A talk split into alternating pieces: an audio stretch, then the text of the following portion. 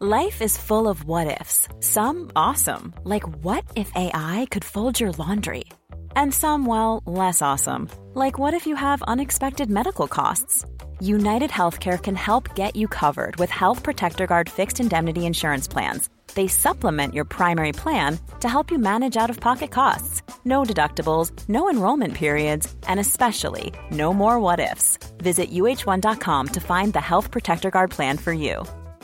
Hi, I'm Daniel, founder of Pretty Litter. Did you know cats tend to hide symptoms of sickness and pain? I learned this the hard way after losing my cat, Gingy. So I created Pretty Litter, a health monitoring litter that helps detect early signs of illness by changing colors, saving you money and potentially your cat's life. Pretty Litter is veterinarian developed, and it's the easiest way to keep tabs on your fur baby's health right at home. Go to prettylitter.com and use code ACAST for 20% off your first order and a free cat toy. Terms and conditions apply. See site for details. Many of us have those stubborn pounds that seem impossible to lose, no matter how good we eat or how hard we work out. My solution is PlushCare. PlushCare is a leading telehealth provider with doctors who are there for you day and night to partner with you in your weight loss journey. They can prescribe FDA-approved weight loss medications like Wagovi and Zepbound for those who qualify. Plus, they accept most insurance plans. To get started, visit plushcare.com slash weight loss. That's plushcare.com slash weight loss. Hiring for your small business? If you're not looking for professionals on LinkedIn, you're looking in the wrong place. That's like looking for your car keys in a fish tank. LinkedIn helps you hire professionals you can't find anywhere else, even those who aren't actively searching for a new job but might be open to the perfect role. In a given month, over 70% of LinkedIn users don't even visit other leading job sites. So start looking in the right place. With LinkedIn, you can hire professionals like a professional. Post your free job on linkedin.com slash people today. I don't need a lot of brains in this business. I mean, I've always said if you got an IQ of 160, give away 30 points to somebody else because you don't need it in investments. What you do need is emotional stability. Wow. Very first tech IPO, and it's a big one. Stock market hit an all-time record high today. A crash is coming. Now, whether it's six months from now, 12 months, 36 months, no one knows. There's a bear market about every five years. We've gone eight years without one. People have to realize this is the biggest IPO ever. Hej och välkommen till ett nytt avsnitt av Market Makers. Hur är läget med dig Fabian? Jag har hört att du har blivit momentum-trader. Jajamensan, jag hörde att det var populärt med momentum, så det är självklart man ska in i den marknaden. Ja, Eller marknaden, in i den svängen rättare sagt. Vad har du för strategi? Äh, men allting som går upp ska du köpa. Du kan aldrig Ja, gå okej. fel. Ja, spännande, vi får väl höra mer om det framöver. Eh, först och främst vill vi be om ursäkt för, vi hade ett kast, tycker jag i alla fall, ljudkvalitet förra avsnittet. Det är ju så att du är som sagt bortrest just nu. Det är ju inte ditt fel på något sätt, eller vad man ska säga, men eh, det gör att vi kör Ja, över distans. mig, och, då, tack. Ja, och då när vi kör distans så delvis använder vi ju, eh, ja det blir ju lite annat ljud. Vi sitter inte på samma plats, det blir lite, vi sitter inte liksom i någon studio ordentligt och eh, dessutom har vi andra mikrofoner också. Vi har faktiskt mikrofoner från M-Audio om någon undrar. Det ägs ju av Avid som är noterat i USA. Nu sitter jag faktiskt med en filt över huvudet och har gjort det hela intervjun också. Så jag hoppas att det ger någon avkastning i ljudkvalitet, för det är jäkligt varmt i 30 grader värme. Om inte annat så njuter jag av att du är varm i alla fall. Idag kommer det bli automatisering på tapeten med Twitterprofilen autonom inkomst. Och vi ska säga det också att han ville väldigt gärna hålla sin identitet skyddad. Det är delvis på grund av lite, det finns lite diskussioner och så här med investerare och annat. Och eh, vi vill respektera det, så vi försöker hålla det väldigt anonymt och det gör ju också att han inte riktigt alltid kan svara på rätt spe så specifikt på frågor, just framförallt om företagen och sådär. Ja, och eh, det kommer bli ett avsnitt med rätt stor spännvidd då Autonom Inkomst har gjort väldigt mycket intressanta saker. Och eh, vi försöker helt enkelt hinna med att doppa tårna i det mesta. Ibland kan det bli lite svårt att djupdyka när man har så mycket på agendan. Yes, med det sagt så är det väl dags för vårt eh, sedvanliga eh, nyhetssvep. Vi pratade för några avsnitt sedan om Adyen. Och det är det här holländska bolaget som sköter betalningar för eh, heta bolag som Uber, Spotify, Netflix och Facebook. Lite av ett holländskt Ant Financials. Och nu har ju deras börsnotering ägt rum på Euronext och den här aktien steg närmare 100% första handelsdagen. Det är inte dåligt. Det är ett äh, jäkligt intressant bolag faktiskt. De visar ju otroliga tillväxtsiffror och dessutom fin vinst. Det är faktiskt något man inte ser allt för ofta hos de här äh, inom citationsteckna startupsen. Ja, jag vet inte om man kan kalla det en startup längre, men... Eh, Därav citationstecken. Ja, men som att kalla Spotify som en startup. Lite intressant är att Adjens kommer att bli ny betalningspartner hos Ebay efter att man tidigare år eh, kuttade bort eh, Paypal som betalningspartner efter man har varit det i x antal år. Ja, och det där är intressant för Paypal var ju, någonstans var ju Ebay var ju räddningen för Paypal lite grann och eh, lite vice versa också eftersom Paypal var tidigare med sina e-scroll-lösningar och sånt. Ska vi faktiskt påpeka att de en gång i tiden var samma bolag? Exakt. Och vi hoppar vidare till en annan stor e-handelsjätte. TheInformation.com skrev nyligen en artikel om att Amazon eh, fört diskussioner om erbjuda försäkringar tillsammans då med sina smarta hemprodukter. Bara det här ryktet, det gjorde faktiskt att flera försäkringsföretag föll på börsen och det här är faktiskt jäkligt intressant. Det här är dessutom, alltså trots att man skrev i artikeln att det inte fanns ens någon konkreta planer på det här, så faller de här andra liksom, konkurrenterna på börsen. Det säger rätt mycket. Ja, många bolag i USA, de är ju livrädda för Amazon. Det har ju liksom blivit lite av en vanlig fråga på amerikanska conference calls i samband med eh, rapportering hur företaget ska skydda sig mot konkurrens från just Amazon. Och det är ju något bevis på vilken liksom, force to be reckoned with de är på eh, amerikanska marknaden. Verkligen. Alltså, egentligen om man sammanfattar det här liksom, nyheten eller caset är att egentligen utan någonting på fötterna så kan man bara skicka ut en artikel säga att ah, Amazon de tänker ge sig in i den här branschen och direkt så skakar man egentligen samtliga aktier inom den sektorn. Jag spontant tänker att det borde ju vara ett bra upplägg för eh, blankare. Ja, det kan, kanske det är. Ska, ska inte sitta och snacka om det. Men Amazon, de lanserade ju också det här butikskonceptet Amazon Go för inte så länge sedan. Och det är helt enkelt en livsmedelsbutik, men man skiter i att ha kassörer. Och Istället använder man kameror och machine learning för att butiken ska kunna se vem du är och vilka varor du tar. Sen när du lämnar butiken så dras pengarna automatiskt från ditt kort. Ja, och nu ska faktiskt Microsoft ge sig in i den här leken också. De har tydligen varit runt och till lite olika företag och visat upp sin teknik de har. Och eh, framförallt verkar de ha diskussioner med Walmart eh, på gång just nu. Och i Kina är det ju faktiskt, där är det också flera stycken som jobbar på den här typen av butiker. Vi har ju Alibaba, vi har JD eh, och även en av Tencent har, ju, eh, har investerat i en sån startup som har varianter på det här konceptet. Dock, vad jag kan få fram så jobbar ju de oftast med något som heter RFID. Det är alltså i princip att man chippar de olika varorna så att när man väl går ur kassan sen, eller så går man igenom någon form av gång som läser av vad man har plockat på sig för varor. Äh, jäkligt spännande eh, utveckling i alla fall och det, är ju, det känns ju givet, alltså det vore jäkligt nice. Vi har redan börjat med självskanningskasser. Det är lite lustigt förresten bara, jag tänkte på en grej. Eh, jag har märkt att vissa butiker man går in i så har de ju självskanningskasser och traditionella kassor med en kassör som sitter där. Och det är väldigt ofta det är tomt i den vanliga kassan, eller kanske bara en person som går, står i den kön. Och alla andra går till självskanningskassorna. Till och med så att man står köer för att skanna sina varor själv. Det är ju lite märkligt, är det inte? Det, det märkliga är att jag upplever att det är precis tvärtom. Det är alltid tomt i självskanningen och alla ska stå i kassan och köa. Och man tänker, fan vad nice, kan man komma in och komma ut på fem minuter för jag hatar att handla.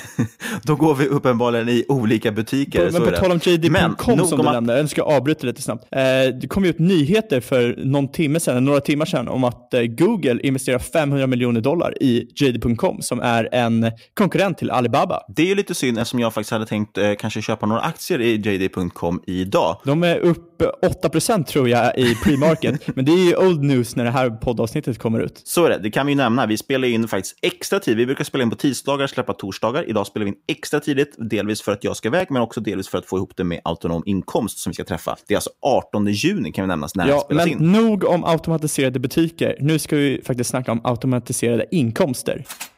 Då säger vi välkommen till podden Autonom inkomst. Jag tänker så här, vi, vi ska prata om massvis med olika saker. Vi har fått in jättemycket frågor på Twitter och vi har massvis med spännande ämnen för då är det på med ganska breda grejer, eller liksom rätt många olika grejer. För att få någon slags eh, röd tråd igenom så kör vi så här. Du brukar ju varje månad posta liksom var dina månader, de olika inkomsterna du har varje månad och då är det uppdelat efter olika intäktsströmmar. Så jag tänker att det är en bra utgångspunkt. Men innan vi tar det så vill jag bara att vi går igenom liksom kort bakgrund om dig. Vem är du och hur hamnar du här? ja, det undrar jag också. Eh, men jag har i alla fall eh, hunnit eh, bli 30.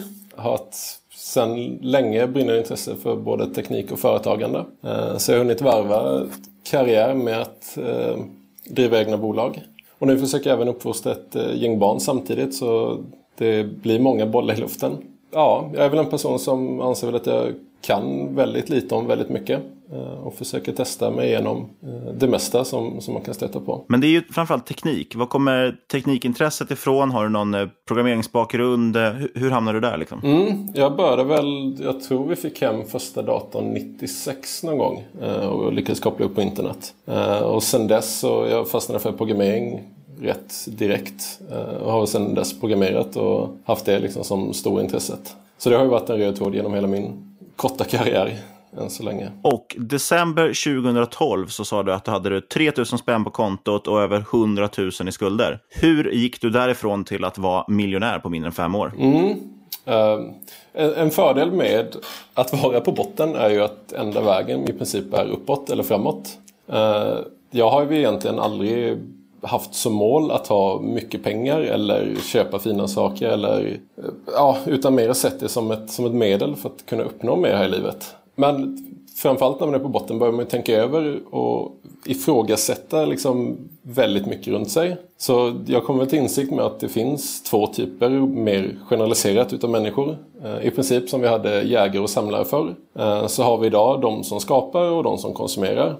Eh, så min uppenbarelse var väl att jag började skapa mer saker som andra kan konsumera och gick, gick den vägen. Vad har du jobbat med för typ av bolag och vad driver du för bolag idag? Tidigare har jag jobbat väldigt mycket med startups men även testat på karriär inom lite större börsnoterade bolag. Men kärleken ändå legat i att, att jobba på eller driva egna startups. Eh, så idag så driver jag ju lite olika bolag men lägger mycket av min tid på en, en egen startup just nu som jobbar med eh, AI och framförallt eh, deep learning. Och AI, det är en förkortning för artificiell intelligens, men det är också en förkortning för autonom inkomst, inser jag nu när vi sitter med det. Vad betyder liksom det uttrycket för dig, autonom inkomst? Det är väl en, en egen definition som jag fastnade för och gillade uttrycket. Enkelt förklarat så handlar det om att ta passiva inkomster till nästa nivå. Som jag ser det så vi har ju aktiv inkomst som är direkt kopplad till, till den tid du lägger ner. Alltså du jobbar en timme, du får en viss ersättning för den timmen.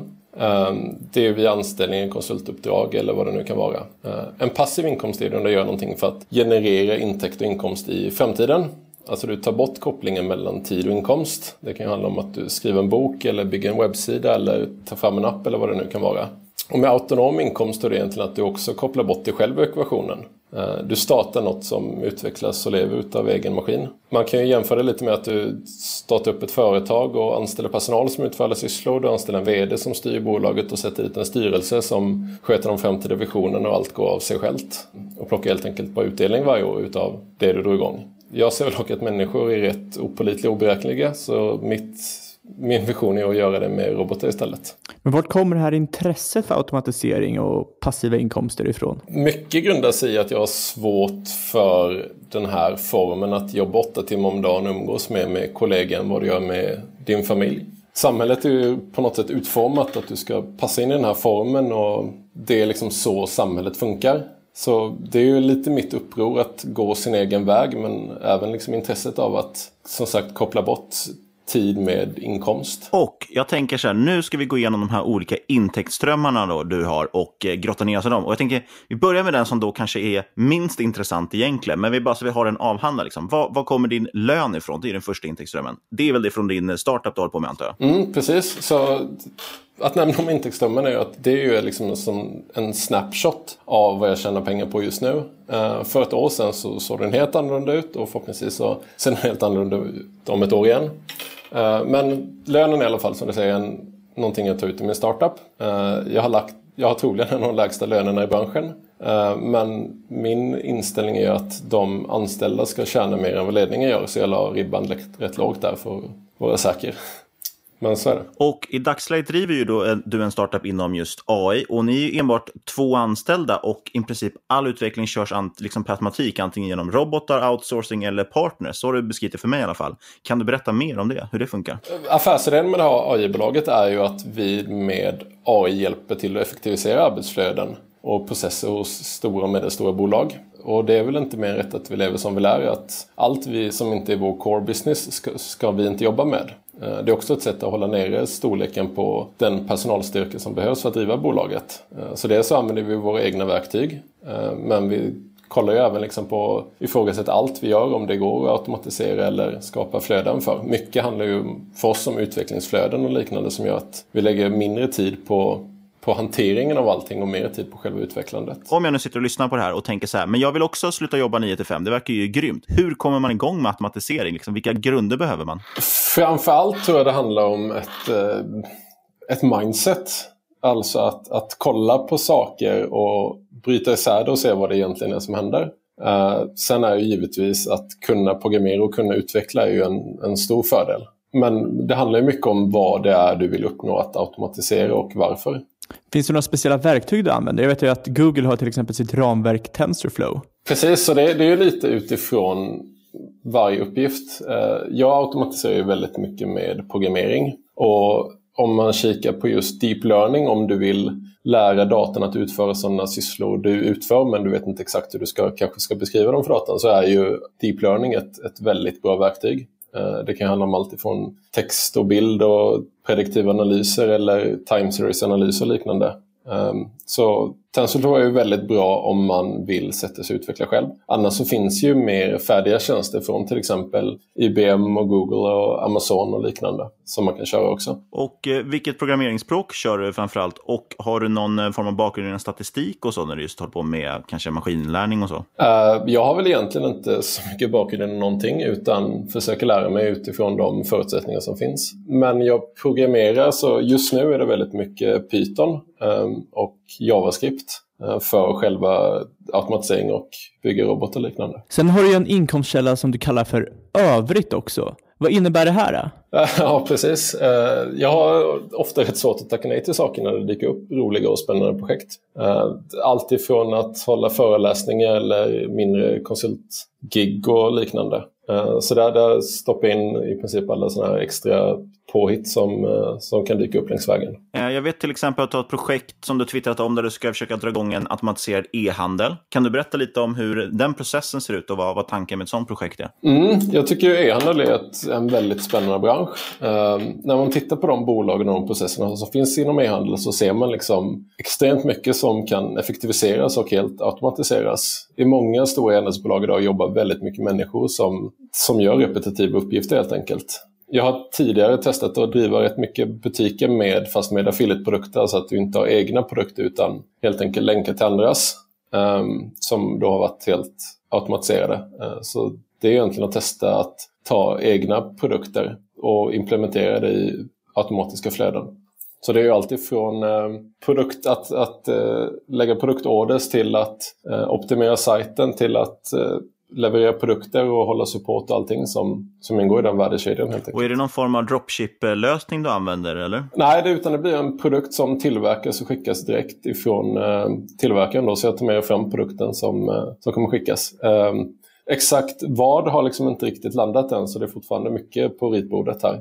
Sen Självklart så handlar det ju även aktier. Vi vet till exempel att du har en utdelningsportfölj. Eh, är det här din huvudsakliga investeringsstrategi eller har du flera olika typer av investeringsstrategier? Jag är rätt ny på eh, stockpicking. Eh, så just nu så försöker jag testa och lära mig så mycket jag bara kan. Jag postar även då hur mycket kapital jag jobbar med. Eh, så än så länge är det rätt lite men jag håller på att skala upp det över tid. Eh, sen är det ju lite så att min och generellt människans största svaghet är ju känslor. Eh, så målet är ju självklart att, att kunna hitta strategier som jag kan eh, låta en AI förvalta. Men just nu lutar det åt någon balans mellan tillväxt och utdelning. Sen tyvärr är ju svenska nätmäklare rätt eftersatta vad det gäller API och den typen av tillgång. Så det är något jag hoppas också kommer kunna utvecklas i framtiden. Och du har ju ett ben just inom algotrading, eller algoritmisk handel då, som man brukar kalla det också. Vi har fått in massvis egentligen med, med frågor om det här och algohandel är ju något som är rätt intressant för många. Jag tror också att det kan kännas rätt svårt att börja med. Är man intresserad av det så tycker jag man kan gå tillbaka och lyssna på avsnitt 24 av podden när vi träffar Fredrik Wilkens. Det handlar ju uteslutande om algohandel och ett väldigt bra avsnitt. Med det sagt, hur kom du igång med algoritmisk trading? Mm, för, till att börja med så har jag fått oförtjänt mycket cred för min algohandel. Um, personer som Fredrik och liknande är ju bra mycket bättre på att svara på frågor om det här. Men hur jag kom igång är ju egentligen att det handlar om att jag grävde kryptovalutor. Och dessa kryptovalutor behövde jag på något sätt omvandla till en fiatvaluta som jag sen kunde överföra till ett svenskt bankkonto. Och jag kikade då på den processen automatiskt eh, och var ju då tvungen att eh, köpa och sälja valutor också via API. Eh, och när jag väl började grotta i dem och analysera vad som egentligen hände och hur handeln funkade så hittade jag intressanta mönster som, som jag då egentligen bara kunde fortsätta låta de här pengarna snurra i. Eh, så det är ju egentligen på den vägen jag kom in på algohandel och sen har intresset utvecklats därifrån. Ehm, och kika på handel med, med traditionella papper och liknande. Jag kan också tillägga att vi har en ehm, Life is full of awesome what ifs, and some not so much, like unexpected medical costs. That's why United Healthcare provides Health Protector Guard fixed indemnity insurance plans to supplement your primary plan and help manage out of pocket costs. Learn more at uh1.com. There's never been a faster or easier way to start your weight loss journey than with PlushCare. PlushCare accepts most insurance plans and gives you online access to board-certified physicians who can prescribe FDA-approved weight loss medications like Wigovi and Zepbound for those who qualify. Take charge of your health and speak with a board-certified physician about a weight loss plan that's right for you. Get started today at plushcare.com slash weight loss. That's plushcare.com slash weight loss. plushcare.com slash weight loss. I'm Sandra, and I'm just the professional your small business was looking for. But you didn't hire me because you didn't use LinkedIn jobs. LinkedIn has professionals you can't find anywhere else, including those who aren't actively looking for a new job but might be open to the perfect role, like me. In a given month, over 70% of LinkedIn users don't visit other leading job sites. So if you're not looking on LinkedIn, you'll miss out on great candidates like Sandra. Start hiring professionals like a professional. Post your free job on linkedin.com/people today. Since 2013, Bombas has donated over 100 million socks, underwear, and t-shirts to those facing homelessness. If we counted those on air, this ad would last over 1,157 days. But if we counted the time it takes to make a donation possible, it would take just a few clicks. Because every time you make a purchase, Bombas donates an item to someone who needs it. Go to bombas.com slash ACAST and use code ACAST for 20% off your first purchase. That's bombas.com slash ACAST, code ACAST. Millions of people have lost weight with personalized plans from Noom, like Evan, who can't stand salads and still lost 50 pounds. Salads, generally, for most people, are the easy button, right? For me, that wasn't an option. I never really was a salad guy. That's just not who I am. But Noom worked for me. Get your personalized plan today at Noom.com. Real Noom user compensated to provide their story. In four weeks, the typical Noom user can expect to lose one to two pounds per week. Individual results may vary. Eh, Sätt upp en Slack-kanal eh, som man kan hitta en eh, länk till på min Twitter om man vill lära sig mer om det eller är intresserad av att diskutera med andra eller komma igång med det. Så är det väldigt mycket kunniga personer där inne som gärna hjälper till. Hur ser de här strategierna ut då? Bygger du flera olika börsrobotar eller jobbar du med att optimera en enskild börsrobot? Bygga flera helt klart. Ehm, Det finns så mycket strategier och så mycket teori att testa. Så mitt mål är att utforska så mycket jag bara kan inom det här. Och eh, Kråkan på Twitter, han undrar om bygger alla algorobotar på teknisk analys eller använder man någon fundamental analys också? Och då kan ju du antagligen svara för, för din egen del i alla fall. Så länge det finns öppen data kring det så går det ju att bygga strategier på det. Jag tittar ju mycket på tekniska indikatorer och försöker hitta mönster i det här. Men det skulle ju helt klart, klart gå att använda eh, mer data och andra typer av data. Sen frågar Tim H Invest på Twitter, hur funkar algohandel rent konkret? Eh, vad använder man för programmeringsspråk och API till exempel? Eh, Så det finns ju egentligen två större sätt att göra det. Eh, Så antingen så kör du en plattform som finns, en befintlig plattform, eh, där du egentligen gör dina inställningar för hur handeln ska se ut. Eh, Ofta är det ju till exempel en, en mäklare som tillhandahåller en sån här plattform eh, så att du handlar direkt på deras, deras marknadsplats. Eh, Alternativt så kopplar du upp det via API-er. Eh, Så då kan du kombinera egentligen flera API-er. Så du kan hämta data från en och handla med, med ett annat. Eh, Så mina robotar utvecklar jag enbart direkt mot API-er och skriver dem till exempel Python eller JavaScript just nu. Då. Kör du något med backtesting då? Eller hur optimerar du din handel? Ja men absolut. Du har ju historisk data att testa på. Däremot så är ju det kan ju också både vara in i en falsk linda och eh, inte exponera mycket av det som händer i framtiden. Eh, så att min bästa strategi är ju helt enkelt att börja testa fast med mindre summor eh, och utveckla över tid. Sen kan jag även hoppa in på ditt nästa ben i din resultaträkning. Eh, du angav ju att din största inkomstkälla i maj var appar. Eh, vad är det här för appar? Mm, det är egentligen allt inom det mesta utom spel. Eh, Jag har fokuserat på att hitta mindre nischer där det är lättare att hitta, alltså bygga appar som sticker ut, antingen rent grafiskt eller funktionsmässigt. Um, Det finns ju det finns väldigt mycket appar men det finns ju också extremt mycket användare.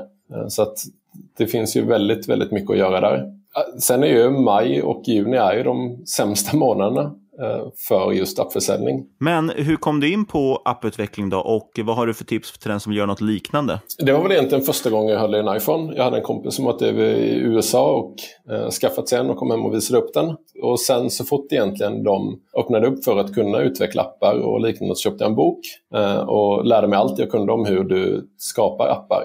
Eh, det är ju rätt många år sedan det här. Men eh, sen släppte jag min första app runt 2010 eh, till iOS. Jag tror det var iOS 4 då. Och sen dess har vi egentligen fortsatt att labba och testa vad, vad det är som funkar och vad som inte funkar och vilka strategier man kan ha. Bästa tipset skulle nog vara att bara komma igång med någonting och testa. Det så mycket mer runt appar. Det är ett helt flöde i hur du eh, skapar dem, publicerar dem, eh, marknadsför och liknande. Det är ju ett helt eget ekosystem det där. Ser du någon skillnad på intäkter från appar eh, nu jämfört med då? Mm, absolut, det blir ju högre konkurrens egentligen hela tiden. Och det är ju väldigt trendbaserat med appar. Bara för att man har hittat ett framgångsrikt koncept som har funkat innan så är det väldigt svårt att få det att hålla över en, över en längre tid. När man då bygger en app, vad, vad ska man liksom satsa mest energi på för att den ska lyckas generera pengar? Handlar det bara om funktion eller är det något annat man vill, vill titta på? Egentligen så är det ju hela paketet skulle jag säga. Uh, framförallt ska man lägga fokus på att få en app lätt att förstå. Uh, det finns så många som krånglar till det och bygger in för mycket funktioner direkt. Uh, så avskalat, snyggt, stilrent och tar man betalt för det, det ska vara tydligt varför man ska betala för det och vad som ger skillnad mot de potentiella gratisalternativ som finns. Om du släpper den gratis så är det ju självklart vad vad det är du ska tjäna pengar på. Och eh, apropå gratis, som jag har förstått det så är det framförallt betalappar du kör där man betalar redan i App Store, inte någon slags freemiummodell. Eh, varför har du valt det spåret? Jag kör nog egentligen olika spår där. Eh, jag har både och. Och det är egentligen vad som passar den appen och dess målgrupp bäst. Eh, det är någonting som har fått växa fram över tid också. Så vad ska man säga? Det, det, det är väldigt lätt att skicka ut uppdatering och ändra eh, modell i appar och liknande.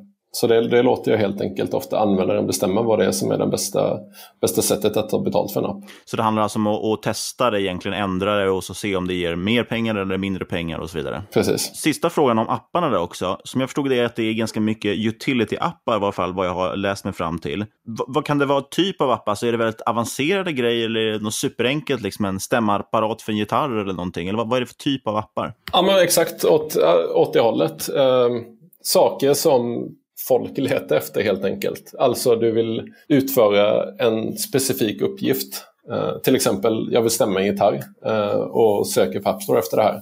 Eh, har du då en app som liksom löser den specifika uppgiften och gör den väldigt tydligt och bra eh, så kommer dels folk att enkelt kunna hitta den via till exempel sökning i App Store och hittar folk den enkelt och laddar hem den så kommer det också börja trenda på topplistor och liknande för, för kategorin appen ligger i och få få mer trafik därigenom. Finns det något verktyg där? Jag vet på Google kan man ju leta upp hur mycket det söks på olika ord. Och därmed finns det ju del som jobbar med det att man, man bygger en e-handel efter sökord som inte har någon, eh, som har stor efterfrågan men inget utbud. Finns det något liknande där för App Store som man kan mäta det där på? Det finns ju en del sidor som erbjuder statistik. Vi har bland annat appanny.com då. Det är inte lika gott om data kring vad, hur många som söker på vad och liknande. Men man, genom att gräva lite i det kan man hitta väldigt mycket, mycket där vad det är som trendar och de, de som får mycket nedladdningar vad det är de använder för sökord och liknande. Sen kommer vi till sista intäkten som är kryptomining. Det här var ju väldigt tätt förra sommaren framförallt, men det är fortfarande relativt tätt.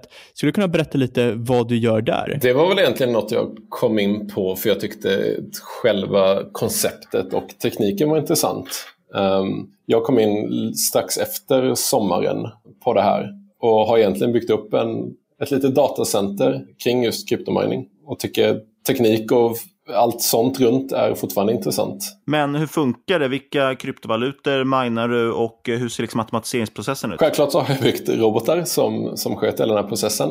Uh, så det är ju egentligen att man har väldigt mycket uh, grafikkort uppraddade uh, som som sen får gräva eller mina då efter eh, den kryptovalutan som just nu är mest effektiv att, att köra. Eh, så jag ligger och skannar av då vad lönsamheten är kring, kring olika kryptovalutor och ställer in då eh, alla, alla maskiner på att köra det här.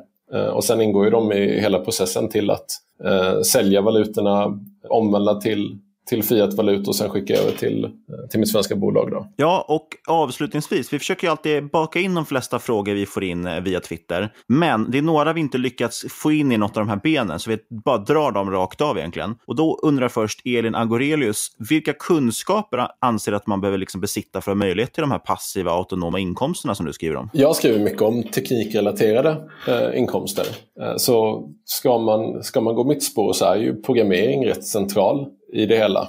Men däremot, jag tycker snarare att man ska titta på de kunskaper man redan har eller vill förskaffa sig och vad man kan göra med dem. Det finns ju många som äger fastigheter och hyr ut för passiv inkomst eller den typen utav, utav projekt som inte kräver någon programmering utan mer andra processer och eh, flöden. Eh, däremot är ju programmering som sagt en central roll i, eh, i mina projekt. Sen frågar eh, användarnamn Investakus. Vad skulle du ge för tips till andra som söker passiva eller autonoma inkomster? Det blir nog samma svar som förra frågan. Där. Eh, att jag tänker titta på vad det är du gör idag som skulle gå att att på något sätt erbjuda en automatiserad lösning eh, i form av. Och ett eh, stolt David undrar, hur ser en dag ut för dig?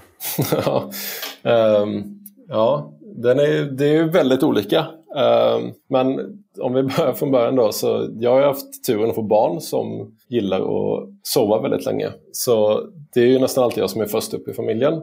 Jag kollar av alla rapporter och eh, händelser under natten som roboten genererar. Eh, ofta får jag dem till telefonen eller till mejlen. Resterande familj vaknar runt nio och så kör vi lite frukost tillsammans och kollar tecknat. Sen brukar jag vanligtvis åka in till ett kontor jag har runt eh, 10-11 tiden och programmera några timmar. Ehm, Sen är det det vanliga, hämta på förskolan vid tretiden, eh, hem och laga mat och fixa allt sånt där. Sen säger jag även att jag har min egen primetime runt 8-9 och några timmar framåt på kvällen. När alla har lagt sig och det är tyst och lugnt så sätter jag mig in i något spännande projekt och, och kör på några timmar. Vad är det för rapporter du får in från dina robotar? Och eh, optimerar man från dessa eller vad använder du dem till? Eh, precis mycket handlar om att optimera och kolla så att allt lirar och funkar som jag förväntar mig. Eh, så det är mer liksom en statuscheck, precis som du har ett, eh, inom utvecklingsteam har du ett sprintmöte på morgonen när du bara kollar att alla gör vad de ska och är synkade. Sen mycket robotar drivs ju kanske då av tillfälliga intressen. Eh, just nu kikar vi en del på hus så att jag har en liten robot som skannar av Hemnet och skickar rapporter på prospekt som passar oss för den marknaden och liknande. Att Framtidsutopi undrar, vad ser du som den mest intressanta tekniken inom passiva inkomster på tre års sikt? Det är ju för min del helt klart inom AI det händer väldigt mycket där och det är mycket mer som blir tillgängligt och du kan använda det till, till väldigt många olika saker. Eh, det tillgängliggör också att man inte behöver vara expert inom ett område för att ändå kunna ta fram och utveckla robotar mot det. Som tar till exempel algotrading och börshandlade robotar. Eh, det är någonting som jag ser att med hjälp utav har jag kommit bra mycket längre än vad jag gjort annars. Och, och kopplat till den här frågan så undrar att The Drassla om det finns någon del av marknaden som kanske är lättare att komma in på som ni? Jag tror generellt att informationsprodukter är ett väldigt enkelt sätt att komma in på. Det tips jag gett på andra som har frågat på Twitter och liknande också. Eh, alltså att ta kunskap du har och omvandla det till en, en form av informationsprodukt som du antingen eh, annonsfinansierar eller som du säljer som som är en informationsprodukt. Du kan sälja den till exempel i appform eller eh, e-bokform eller liknande. Så kunskap du har är ofta någonting andra söker efter eller kunskap du kan förvärva. Då. Eh, det, är, det är väldigt enkelt. Du behöver liksom inte ha någon stor process. Det är enkelt att validera en idé genom att lägga upp ett erbjudande och se om andra nappar på det. Så just för passiv inkomst handlar det om att sälja sin kunskap. Att brandtalet undrar vad inom programmering bör man rikta sig in sig på om man är kanske rätt färsk i det här för att liksom mest effektivt få resultat? Vi kommer tillbaka till AI hela tiden. Eh, jag tror ska man, ska man rikta in sig på någonting idag så ska man definitivt i alla fall ha det som, som ett verktyg i sin låda. Det är lite så när, när du väl hittar någonting som du ser kan användas till mycket så får du en hammare Eh, och så hittar man spikar precis överallt. Eh, så det, det är oavsett om du genererar material till en hemsida eller bygger tradingbot eller liknande så har du nytta av den, den typen av kunskap. Sen kommer den sista Twitterfrågan och troligtvis den mest intressanta från Aktieutten. Och han frågar, har du mjölk på flingorna? Eller flingor i mjölken? ja, vuxna människor dricker väl inte mjölk va? Helt rätt svar. eh, sen undrar jag, vilken är liksom den märkligaste eller roligaste roboten du byggt? Uh, um, jag hade ett misslyckat case när jag försökte.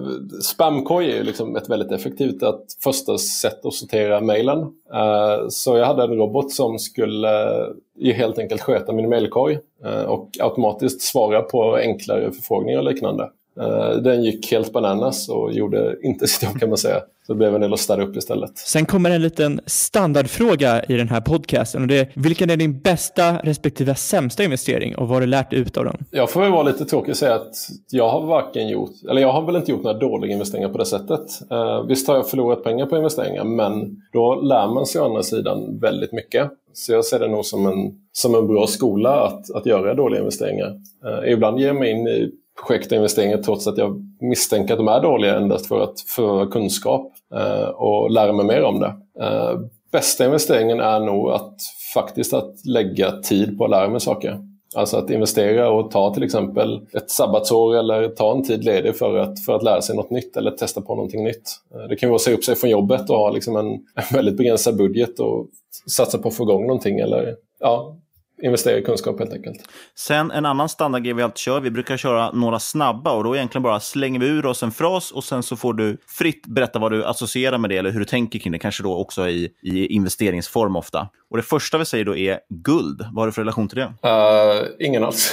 Bitcoin då? Uh, öppnade dörren för framtida projekt. If-satser eller neurala nätverk? Neurala nätverk. Microsoft eller Google? Google. Och av alla saker du håller på med, vad är roligast? Roligast tycker jag är absolut att lära sig nya saker. Alltså tiden du har från att du, du ger dig in i någonting och hela tiden upptäcker nya saker och vad ska man säga, när inlärningskurvan är som högst. Eh, så jag försöker hela tiden att anta nya utmaningar och nya projekt eh, för att hamna i de situationerna. Och avslutningsvis, var kan man följa dig och din resa framöver? Eh, just nu finns jag endast på Twitter. Eh, så får vi se var vi tar det därifrån.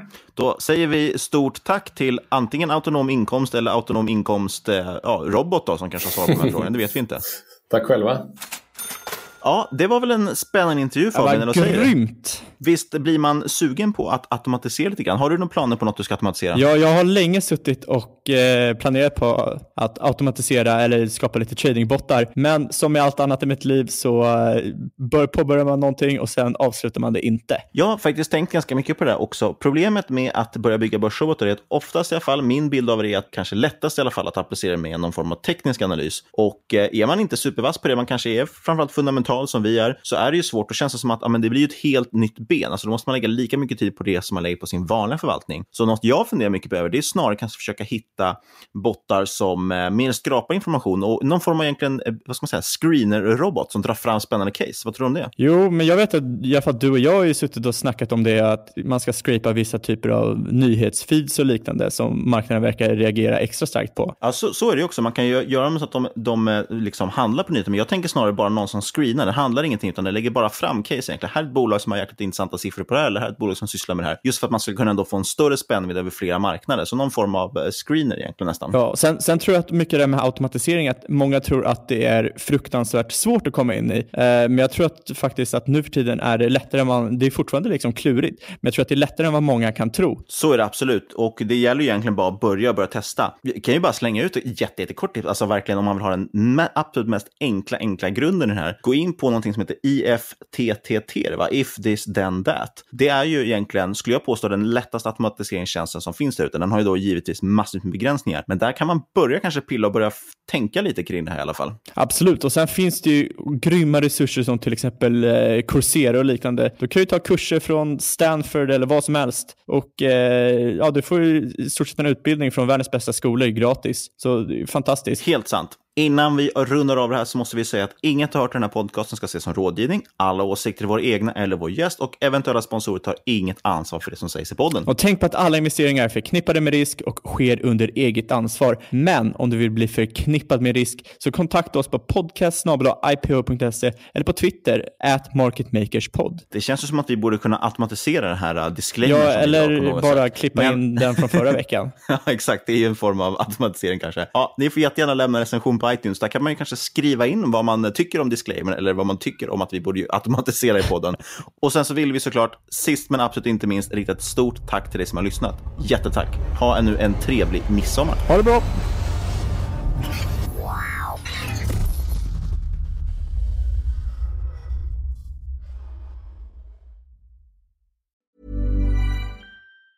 Mom deserves the best, and there's no better place to shop for Mother's Day than Whole Foods Market. They're your destination for unbeatable savings, from premium gifts to show-stopping flowers and irresistible desserts. Start by saving 33% with Prime on all body care and candles. Then get a 15-stem bunch of tulips for just $9.99 each with Prime. Round out Mom's menu with festive rosé, irresistible berry chantilly cake, and more special treats. Come celebrate Mother's Day at Whole Foods Market.